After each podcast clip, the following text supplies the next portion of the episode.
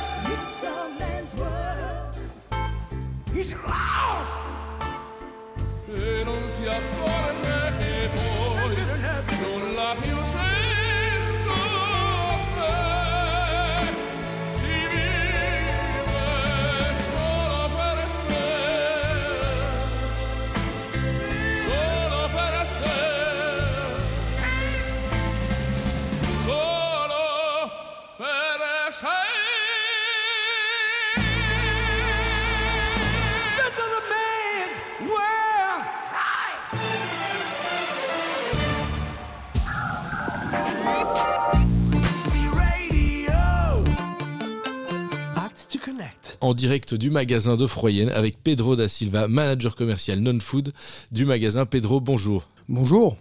Alors Pedro, on est ici pour le thème du carnaval à Froyenne. Il y a le carnaval de Tournai qui a lieu euh, dans pas longtemps. Alors quand est-ce qu'il a lieu ce carnaval?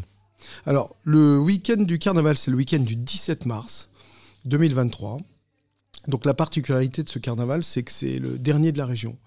Ça veut dire qu'on passe carrément quelques semaines après le Mardi Gras, c'est le dernier carnaval. La boucle du carnaval se termine ici à Froyenne. Et donc toute la Belgique vient faire la fête à Tournai pour le carnaval les organisateurs l'espèrent bien sûr, mais c'est vrai que ça draine pas mal de confréries et il y a pas mal de confréries sur tournée également. Alors euh, Pedro, euh, comment est-ce que fait le magasin de Froyenne pour se préparer à ce carnaval? Alors, comme, euh, comme j'expliquais il y a quelques minutes, effectivement, le carnaval de, de Tournai, c'est le dernier de la région. Donc, disons qu'en termes de, marchandises proprement dites, on est vraiment au, au, bout de la saison carnaval. Par contre, il y a des rayons où on est vraiment prêt, c'est le rayon euh, festif, à savoir le rayon alcool, etc., euh, etc. Ça, on met vraiment en avant et on, met vraiment un point d'honneur à travailler sur nos zones promo, sur vraiment des, des produits atypiques, spécifiques pour la, pour la fête. Ok, parfait. on le sait qu'en 2023, c'est un peu la reprise de tous les événements folkloriques de Belgique, euh, puisqu'il y a eu le Covid euh, dans, les années précédentes. Est-ce que euh, c'est aussi le cas du, carnaval à, Tournai? Alors effectivement, le carnaval de Tournai, ça fait deux ans, qu'il, bah, un peu plus maintenant. Donc juste après l'après-Covid, euh, alors, il y a pas mal de changements. À l'époque, c'est dans une salle un peu plus petite. Donc, cette année, ils l'ont pas fait dans une salle. Ils le font dans un chapiteau pour justement pouvoir accueillir un maximum de personnes et éviter d'avoir trop cette concentration de personnes. Elle se fait dans un chapiteau, euh, juste euh, pas très loin du magasin. Ok, alors qui dit carnaval dit souvent déguisement. Est-ce que, est que, est que vous vendez plus de déguisements? Est-ce qu'on a une offre à ce niveau-là pour, pour nos clients? Comme, je t'expliquais il y a quelques minutes, euh, alors le carnaval de tournée, nous, on a un petit souci au niveau de la date parce qu'on est largement après les autres. Donc, euh, nous, tout ce qu'on peut vendre, on le vend. Alors, c'est vrai que la machine a un peu de mal à, se mettre en route parce que ça fait quelques années que le carnaval n'a plus lieu. Et euh, cette année, c'est vrai qu'en termes de marchandises, on a un peu moins reçu que d'habitude, mais on va faire en sorte d'avoir un maximum de produits pour faire plaisir à nos clients. Ça me semble tip top. Je suis maintenant avec Emeline pour un choix de chanson. Bonjour, euh, je m'appelle Emeline et je fais partie de la team Frey. Et alors, quelle chanson as-tu choisi, Emeline? Alors, j'ai choisi la chanson de System of a Down, Revenge.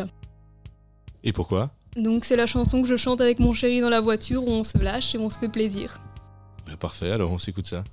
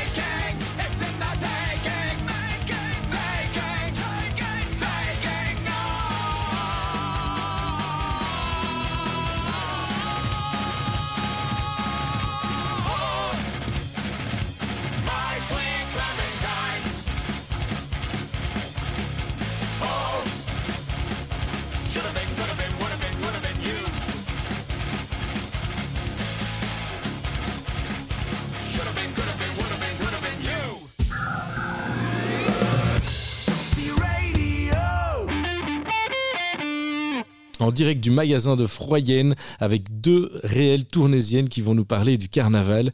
Cathy, hôtesse d'accueil, et Marina, assistante manager non-food. Cathy, bonjour. Bonjour. Marina, bonjour. Bonjour.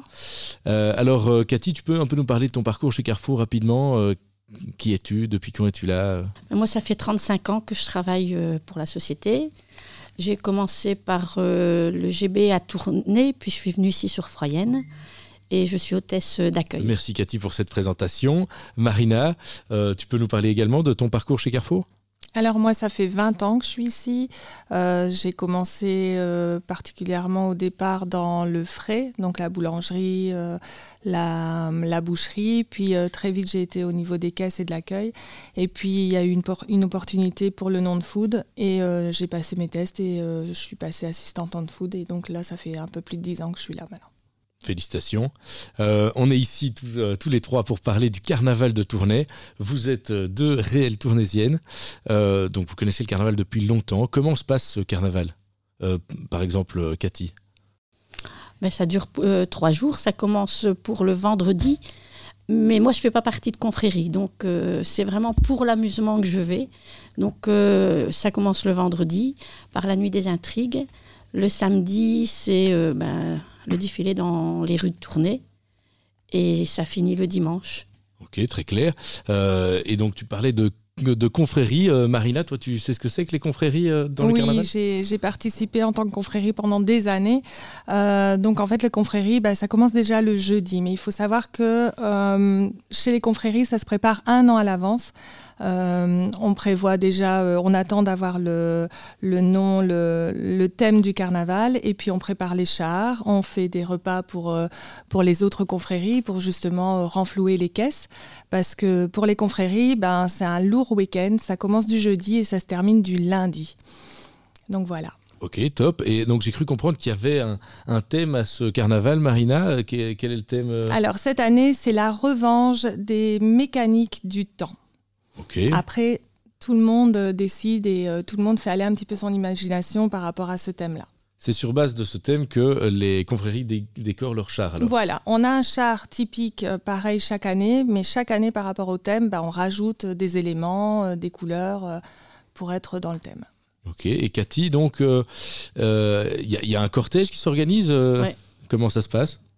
Ben, Souvent ça commence vers 14h et, eh bien, on suit, euh, enfin, on fait à notre choix. On suit le cortège ou euh, on se balade dans la ville. Ou...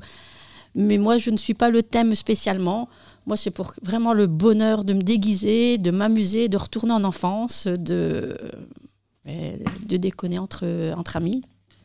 Top, top. Est-ce que euh, qu'est-ce qui se passe dans, ce à la fin du, carnaval? Vous, vous devez faire quelque chose de particulier pour clôturer le carnaval? À la fin du carnaval, euh, on fait le brûlage du roi carnaval. Et une fois qu'il est brûlé, il y a la marche au flambeau. Et ça, c'est toujours. Marina va mieux l'expliquer parce que c'est par rapport au, aux confréries, je cherchais le nom.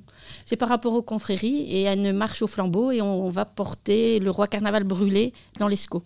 Oui, en fait, on a des réunions comme ça où, euh, où, on participe et on choisit, on désigne un roi et une reine pour, euh, pour un an. Et euh, le jour du carnaval, ben, c'est leur dernier jour de, de, royauté, on va dire. Et donc, il y a le brûlage du, roi. Et puis, la marche au flambeau, ben, après cette marche au flambeau, c'est le départ du bal, en fait c'est ça qui donne euh, accès au bal. Euh.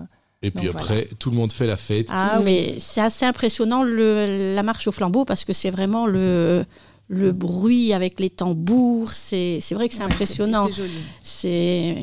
Eh bien, merci Cathy, merci Marina pour, euh, bah, pour ce petit bout de tournée dans notre émission. J'espère que ça donnera envie à, à, tous ceux qui nous écoutent. Et, et donc, un grand merci et bon carnaval à tous. Merci. Pour clôturer cette interview, Marina, est-ce que tu peux me donner le titre de, la chanson que tu aimerais euh, nous partager? Alors moi, ce sera euh, Kenji Girac, La Gitane, parce que je trouve que c'est assez euh, entraînant et en tout cas pour ma part, ça me met de bonne humeur, donc voilà. du coup, on se fait plaisir avec ça.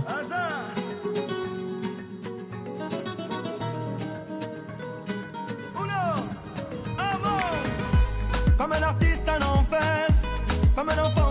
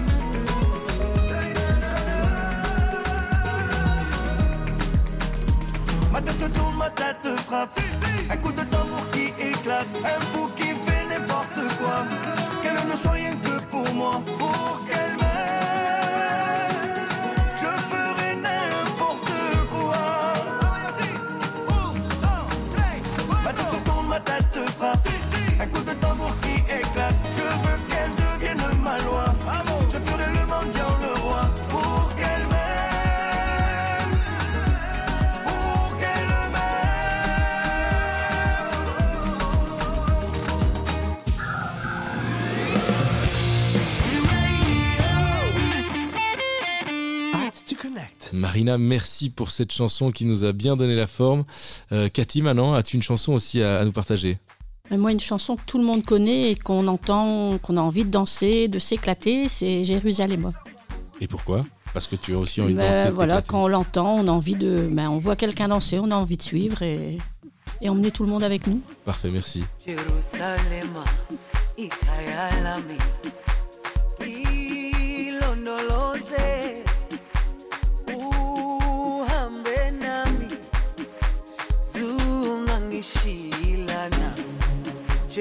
Jalema ikayalami Jayalami. Hilo no lo sé, uhambe nami, sungangishilana, dawo yami, alikolana, buso wami, awukolana.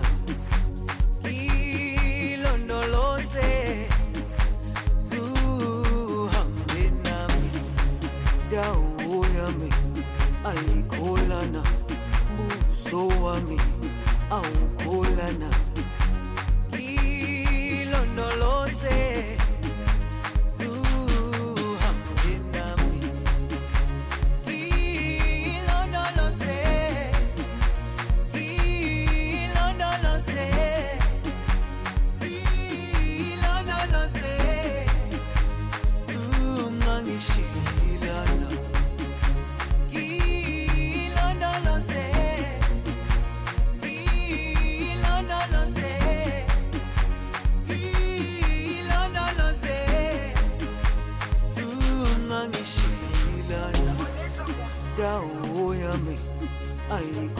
Bwana, mbuso wami awukholana. Ngilondoloze zuhambe nami. Dawo yami ayikholana mbuso wami awukholana. Ngilondoloze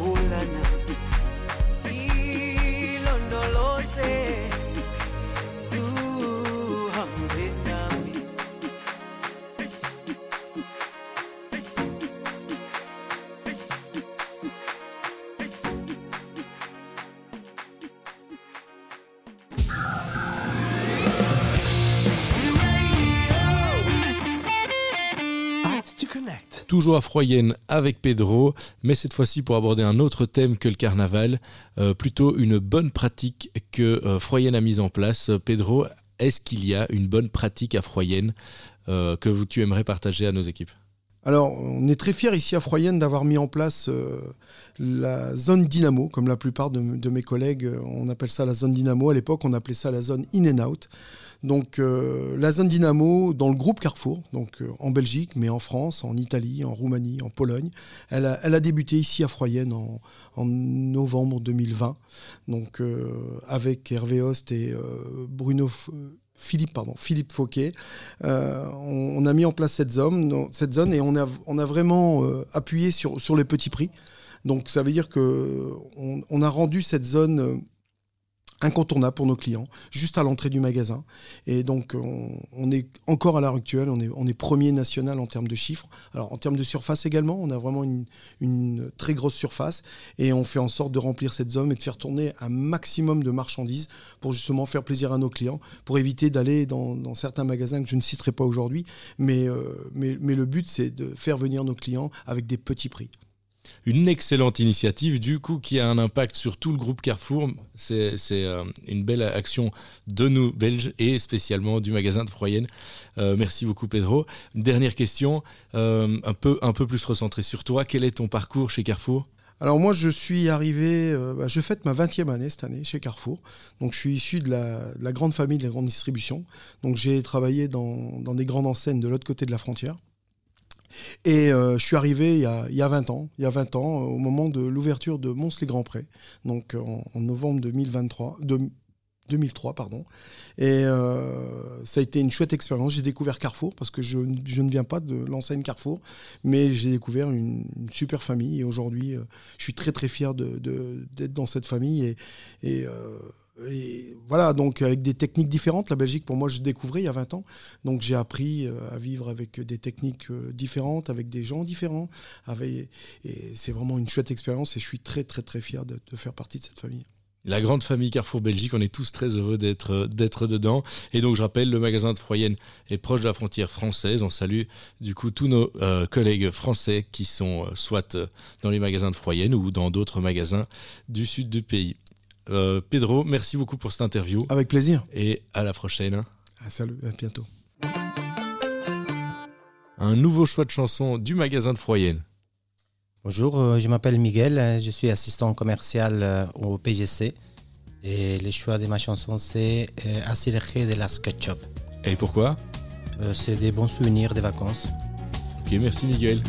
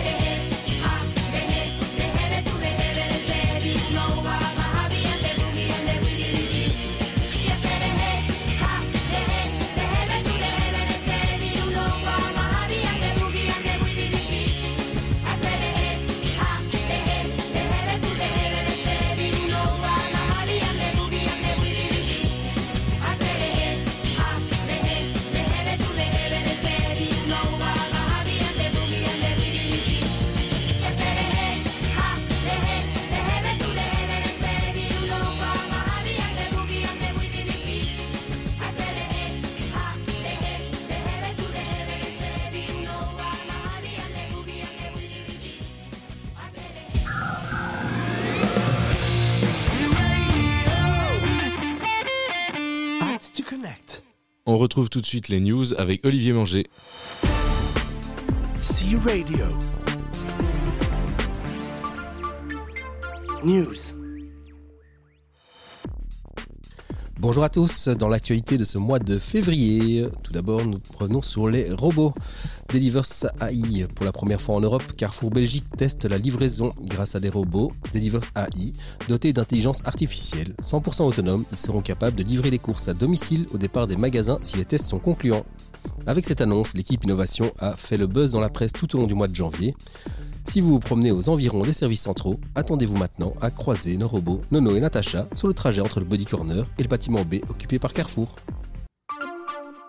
Ces 25, 26, 27 et 30 janvier, le COMEX était en tournée pour présenter le plan stratégique 2026. L'équipe de C-Radio a recueilli quelques témoignages de collègues qui ont assisté à ce roadshow lors de la séance de Zaventem. Alors ce roadshow était particulièrement intéressant euh, à plus d'un titre, mais je voulais mettre en évidence deux choses. La première, c'est qu'on a eu l'occasion d'entendre euh, de la part de notre management leur vision complète, euh, presque même détaillée, je vais dire, euh, à l'horizon 2026. C'est à la fois très rassurant, euh, ça donne, une, ça donne un, guide à utiliser pour les prochaines années et ça nous permet de travailler plus efficacement. La deuxième chose que je voulais mettre en avant, c'était le fait que j'ai particulièrement apprécié euh, le, petit moment euh, de, brainstorm euh, qu'on a, a eu avec pris au hasard des numéros qu'on avait tirés, des personnes qu'on n'a pas forcément l'occasion de côtoyer au quotidien. Et c'était vraiment très intéressant d'entendre leurs idées, euh, leur point de vue sur ce qui avait été annoncé. C Radio. On a un nouveau collaborateur de Froyenne qui nous partage une chanson. Bonjour, je m'appelle Laurence, je suis assistante Orion traiteur. Et, et tu as une chanson pour nous, Laurence. Oui, A Perfect Day de Et- Lou Reed. Et, et pourquoi? Parce que j'adore cette chanson et que c'était ma chanson de mariage. Ah bah merci de nous faire partager ainsi vos souvenirs. De rien. Just a perfect day. Drink sangria in the park. And then later, when it gets dark, we go home.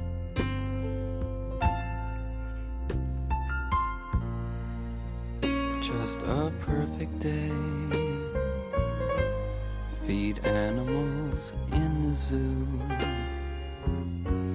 Then later, a movie too, and then home.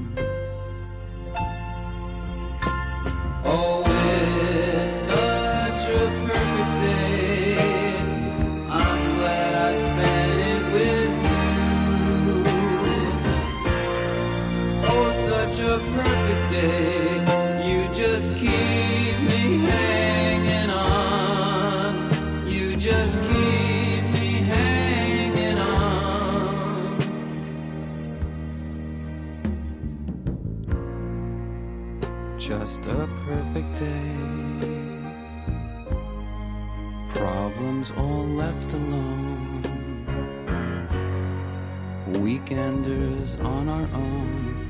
It's such fun.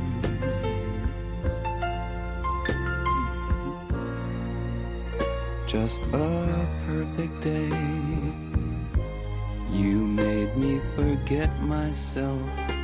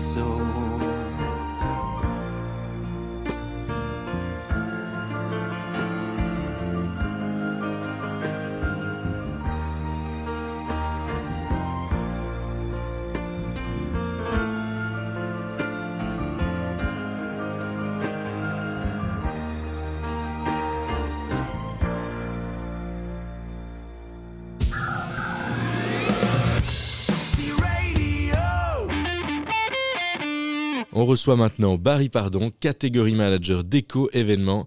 Barry, bonjour. Bonjour. Alors Barry, tu peux nous parler de toi Quel est ton parcours? Oui, euh, j'ai euh, 17, ouais, 17, 18 ans. euh, euh, ouais, mariage Carrefour, c'est ça peut-être? Bah, bravo. Euh, oui, merci. Euh, je viens de, de magasin.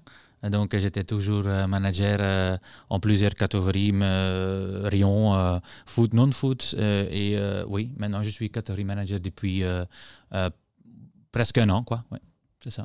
Ok, félicitations euh, pour ce changement. Alors Barry, euh, on est là pour parler des événements. Quels sont les gros événements à succès euh, dans, dans la déco? Euh, dans les décos, il y a quatre, quatre grands événements, on peut dire comme ça. Euh, en grand, c'est euh, on, commence avec le Noël, tout ce qui était Noël. Là, c'était le plus fort. En deuxième, pour nous, c'est tout ce qui était Halloween pour l'instant. Après, c'est le troisième et c'est le carnaval.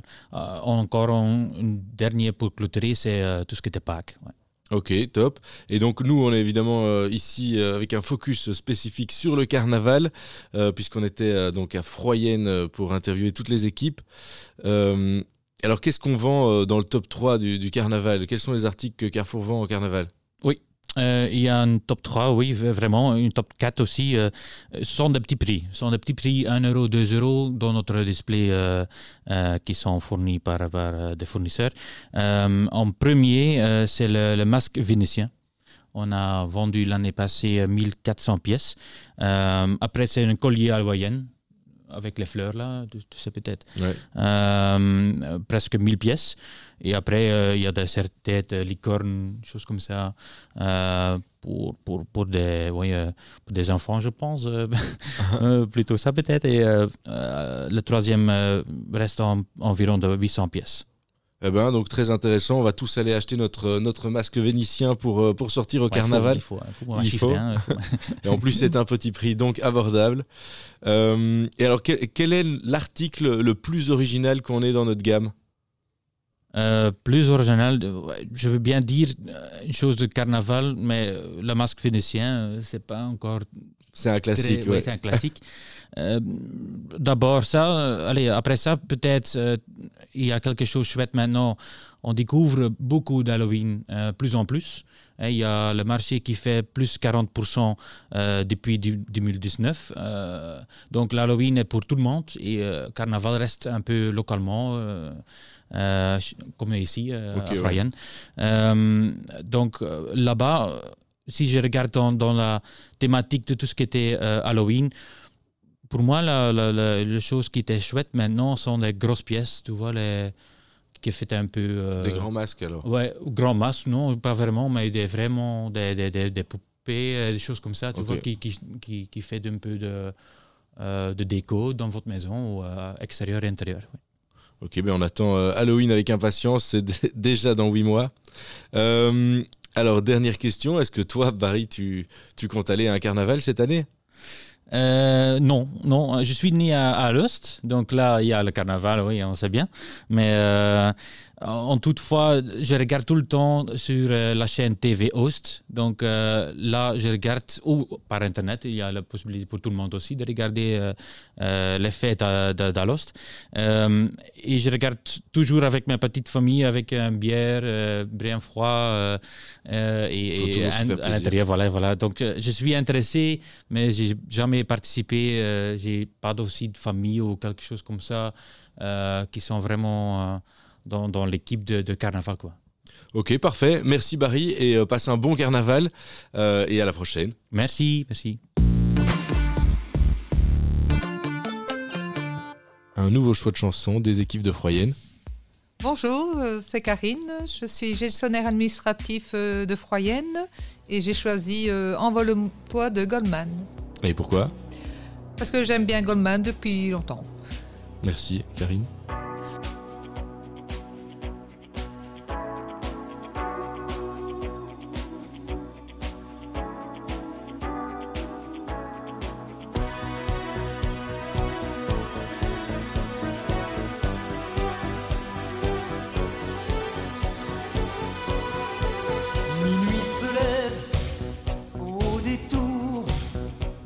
Se taisent et tout devient aveugle et sourd. camoufle pour quelques heures. La zone sale et les épaves et la laideur. J'ai pas choisi de naître ici. Entre l'ignorance et la violence et l'ennui. Je m'en sortirai, je me le promets. Et s'il le faut, j'emploierai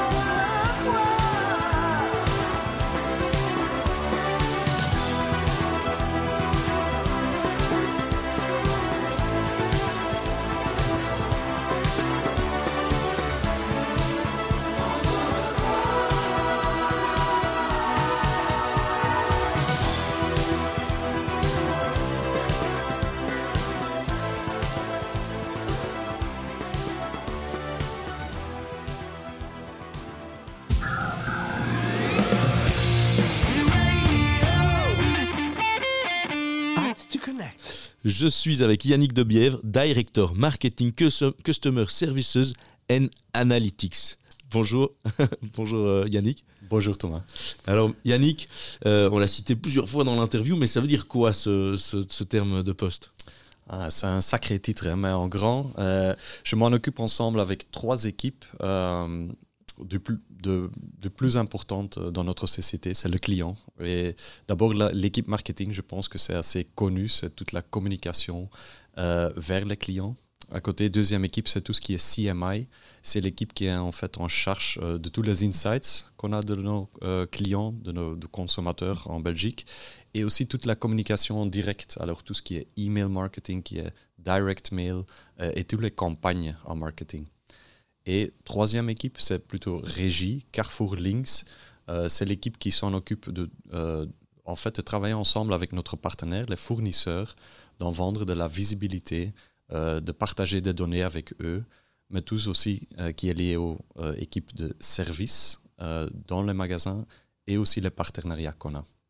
On a la tradition de toujours demander le parcours de nos intervenants. Yannick, tu peux nous parler un peu de ton parcours? Après mes études de communication, j'ai fait plusieurs boulots, mais il était un fil rouge euh, là-dedans. C'était toujours un peu euh, tout le côté digital. Euh, j'ai commencé chez Smart Photo, une entreprise en e-commerce belge dans le monde de photographie, comme marketeer digital. C'était vraiment un peu au début de tout ce qu'on appelle digital marketing aujourd'hui, début de Facebook, de YouTube, euh, de, toutes ces grandes plateformes de réseaux sociaux. Euh, ça m'a toujours fort intéressé. Là, j'ai euh, j'ai pris plusieurs postes côté marketing, digital marketing et aussi e-commerce. Après aussi deux ans dans un startup, un peu dans le même espace, qui était aussi une expérience assez enrichissante. Et après, j'ai j'ai commencé dans le retail chez MediaMarkt, une entreprise dans l'électroménager, euh, Allemagne, euh, comme responsable pour tout ce qui est euh, communication digitale. Et après là, j'ai continué dans le poste responsable euh, au directeur marketing, un peu comme ici chez Carrefour, avec la responsabilité de la régie à l'interne aussi, tout le côté CRM, loyauté, pour la Belgique et le Luxembourg. Et les dernières deux ans, avant de venir chez Carrefour, aussi avec les mêmes responsabilités en Pays-Bas. Merci, très clair. Alors l'épisode a pour thème aujourd'hui le carnaval. Est-ce que tu es familier avec euh, un ou plusieurs carnavals? Oui, je suis familier, mais pas comme euh, pas vraiment actif. Euh, J'aime bien de faire du ski, alors souvent la congé de, carnaval, j'étais dans les montagnes. J'ai quand même pas mal des amis qui habitent dans la région de Alost, qui sont vraiment fans et chaque année ils essayent de me persuader de, de venir avec. C'est pas encore été le cas, mais on sait jamais, peut-être cette année. Peut-être cette année si tu craques. Alors Yannick, euh, ça fait maintenant quelques mois que tu es chez Carrefour. Euh, tu, peux nous en dire plus sur ton arrivée Comment ça s'est passé? Oui, c'était euh, c'était génial en fait. J'étais vraiment curieux. J'avais un background un peu dans le, dans le retail, mais pas encore dans le foot. Alors on arrivait chez Carrefour. C'était surtout qui, qui m'a impressionné, c'était vraiment le côté humain. J'étais pas mal dans, dans des magasins, parler avec des collaborateurs, mais aussi avec des clients. Euh, comment on a tellement de gens qui, qui, qui donnent leur tout euh, pour, nos, pour nos clients à chaque jour. Et j'ai vraiment senti ce côté humain. Il y a pas mal de gens qui me demandent comment vas-tu, euh, est-ce que, est que ça va dans tes premiers mois, tes premières semaines, que, que j'apprécie énormément. Alors, avec mes collègues du COMEX, mais aussi mon entrée dans, dans mes équipes, côté marketing CMI et régie, c'était vraiment une expérience positive. Euh, et j'ai encore euh, même plus d'envie pour la suite euh, après les premiers trois mois. Très bien, très bien. Et alors, euh, quelles sont les différentes actions que toi et ton équipe, enfin tes équipes, allez prendre dans les, dans les prochains mois? Qu'est-ce qu'on a le droit de savoir? Ah, il y a pas mal de choses qui, qui sont euh, déjà mises en route. Euh, ben, D'abord, on a, avec le COMEX, on a travaillé vraiment sur le plan stratégique 2023-2026 pour Carrefour Belgique. Et euh, de là, on a vraiment regardé ensemble avec, euh, avec mes équipes comment, sur quels axes est-ce qu'on peut euh, travailler. Et on a défini quelques-uns. D'abord, il y a pas mal de choses qui bougent au niveau de comportement de nos clients. Il y a vraiment une, une sorte de digitalisation qui, qui prend en place. On consomme beaucoup plus de médias digitales.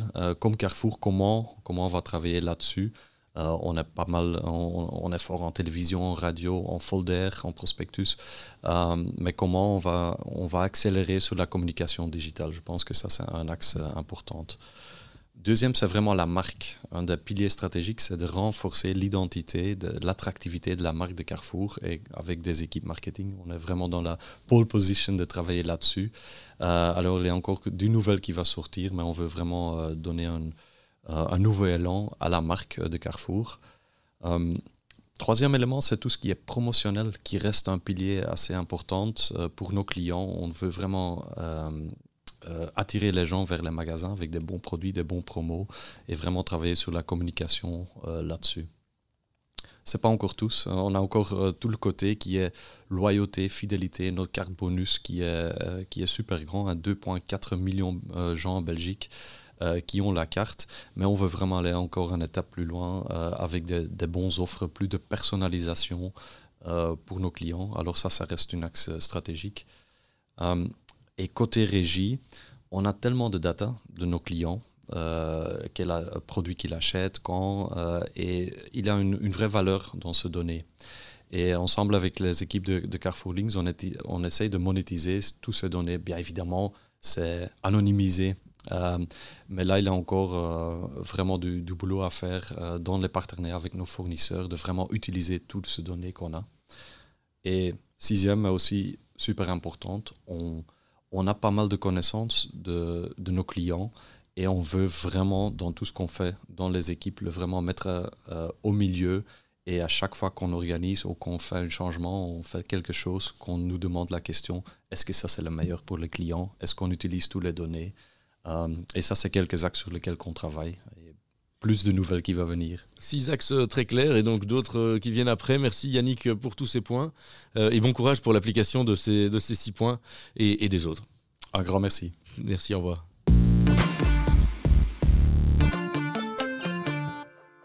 Un nouveau choix de chansons des équipes de Froyenne. Alors bonjour, je m'appelle David, je suis manager de rayon fruits et légumes et la chanson que j'ai choisie pour vous aujourd'hui c'est Malo et le titre c'est Laisse-toi tranquille. Y a trop de pourquoi c'est tendu, ça joue des points et des regards. Y a que du stress et dans ta rue, étrange humain sur les trottoirs. Toi, t'es pas fort à la baston, non, tu sais pas trop qui croire. Ouais, la ville est froide comme un glaçon, et dans ta tête c'est le brouillard. Le succès, la win, lire entre les lignes, y a plus d'air dans la machine. Laisse-toi tranquille, oh, tout va si vite. Quand les pensées défilent. Laisse-toi tranquille, oh, tout va si vite.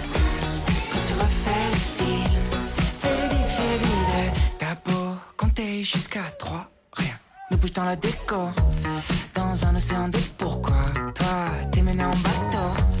Dès que l'ombre de toi-même, tu cherches un sens à la vie. Ta vie, c'est n'importe quoi. T'as perdu tout ce qui t'anime. Les choix qu'on dessine, la joie et le spleen. Y'a plus d'air dans la machine. Laisse-toi tranquille, oh, tout va si vite. Quand les pensées défilent. Laisse-toi tranquille, oh, tout va si vite. Quand tu refais le film,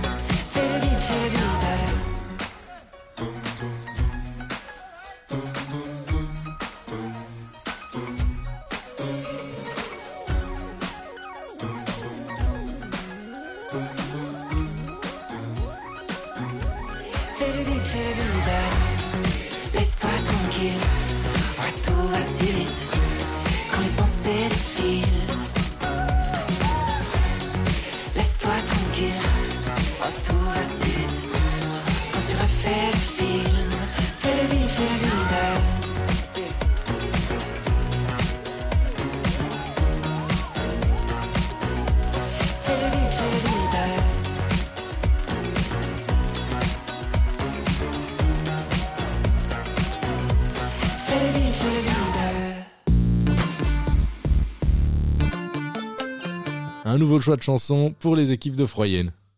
Bonjour, moi c'est Rudy, donc je m'occupe du secteur multimédia. Et Rudy, et quelle est ta chanson?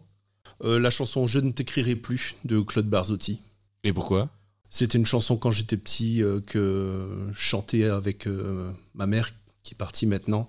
Et j'étais à côté du tourne-disque et c'était une chanson que- qu'elle aimait bien, que je chantais quand j'étais petit. Ben, Merci de nous partager ça. Merci à vous. Sous un plus bleu, je t'envoyais la tendresse de Bernard Dimet. Tu trouvais que c'était joli, tu n'y as jamais rien compris. Je t'envoyais des chansons de Brel, celles qui frappent où le cœur se fêle.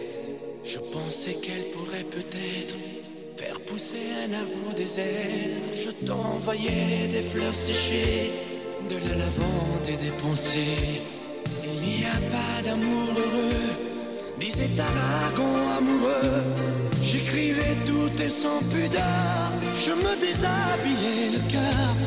Je t'écris une dernière fois, c'est ma dernière chanson pour toi. Je ne t'écrirai plus, je n'en ai plus besoin. Je ne t'écrirai plus, maintenant tout va bien. Je ne t'écrirai plus, le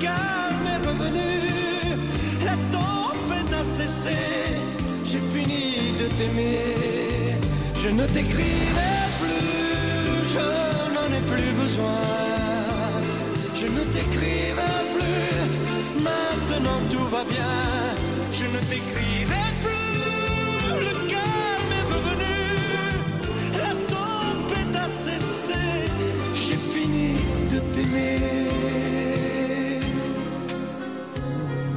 Je te recopiais des poèmes piqués à ce vieux fou d'Hugo. Lui qui savait dire je t'aime sans jamais avoir l'air idiot. Je me servais d'Apollinaire et de Rimbaud et de Verlaine.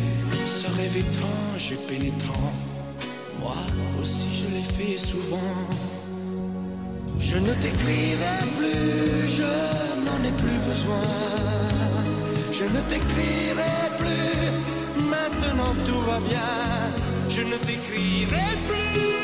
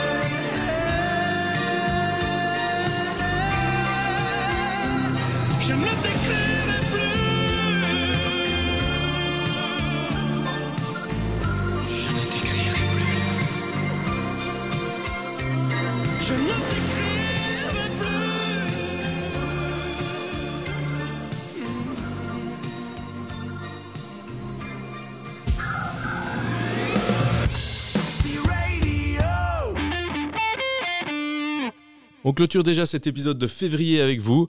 Euh, on a eu la chance d'avoir Yannick Debièvre, directeur marketing, customer service et analytics et membre du COMEX, qui nous a fait le point clair sur les projets de Carrefour Belgique sur son périmètre. Grâce à Barry, on sait maintenant quels sont les classiques du carnaval pour se préparer. Ensuite, les équipes de Froyenne ont parlé du carnaval, plus spécifiquement du carnaval de Tournai. Froyenne qui nous a aussi parlé de la zone Dynamo, une bonne pratique qui a été introduite par le magasin il y a quelques années et qui est aujourd'hui répliquée au niveau international dans plusieurs pays du groupe. Si vous souhaitez nous contacter pour nous poser des questions, n'hésitez pas à nous joindre via l'adresse mail hello underscore at carrefour.com. Merci pour votre écoute et rendez-vous en mars pour un épisode qui aura pour thème la diversité. Un dernier choix de chanson du magasin de Froyenne. Alors bonjour, moi c'est Grégory, euh, je suis manager commercial food et euh, ma chanson sera euh, une chanson d'Elvis Presley, Suspicious Mind de d'Elvis Presley. Et pourquoi? Et parce que je suis guitariste et, et voilà, voilà mon choix. Merci Greg.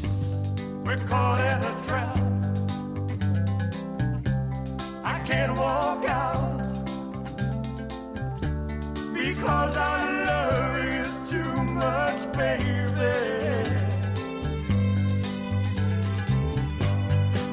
Can't you see? What you're doing to me? When you don't believe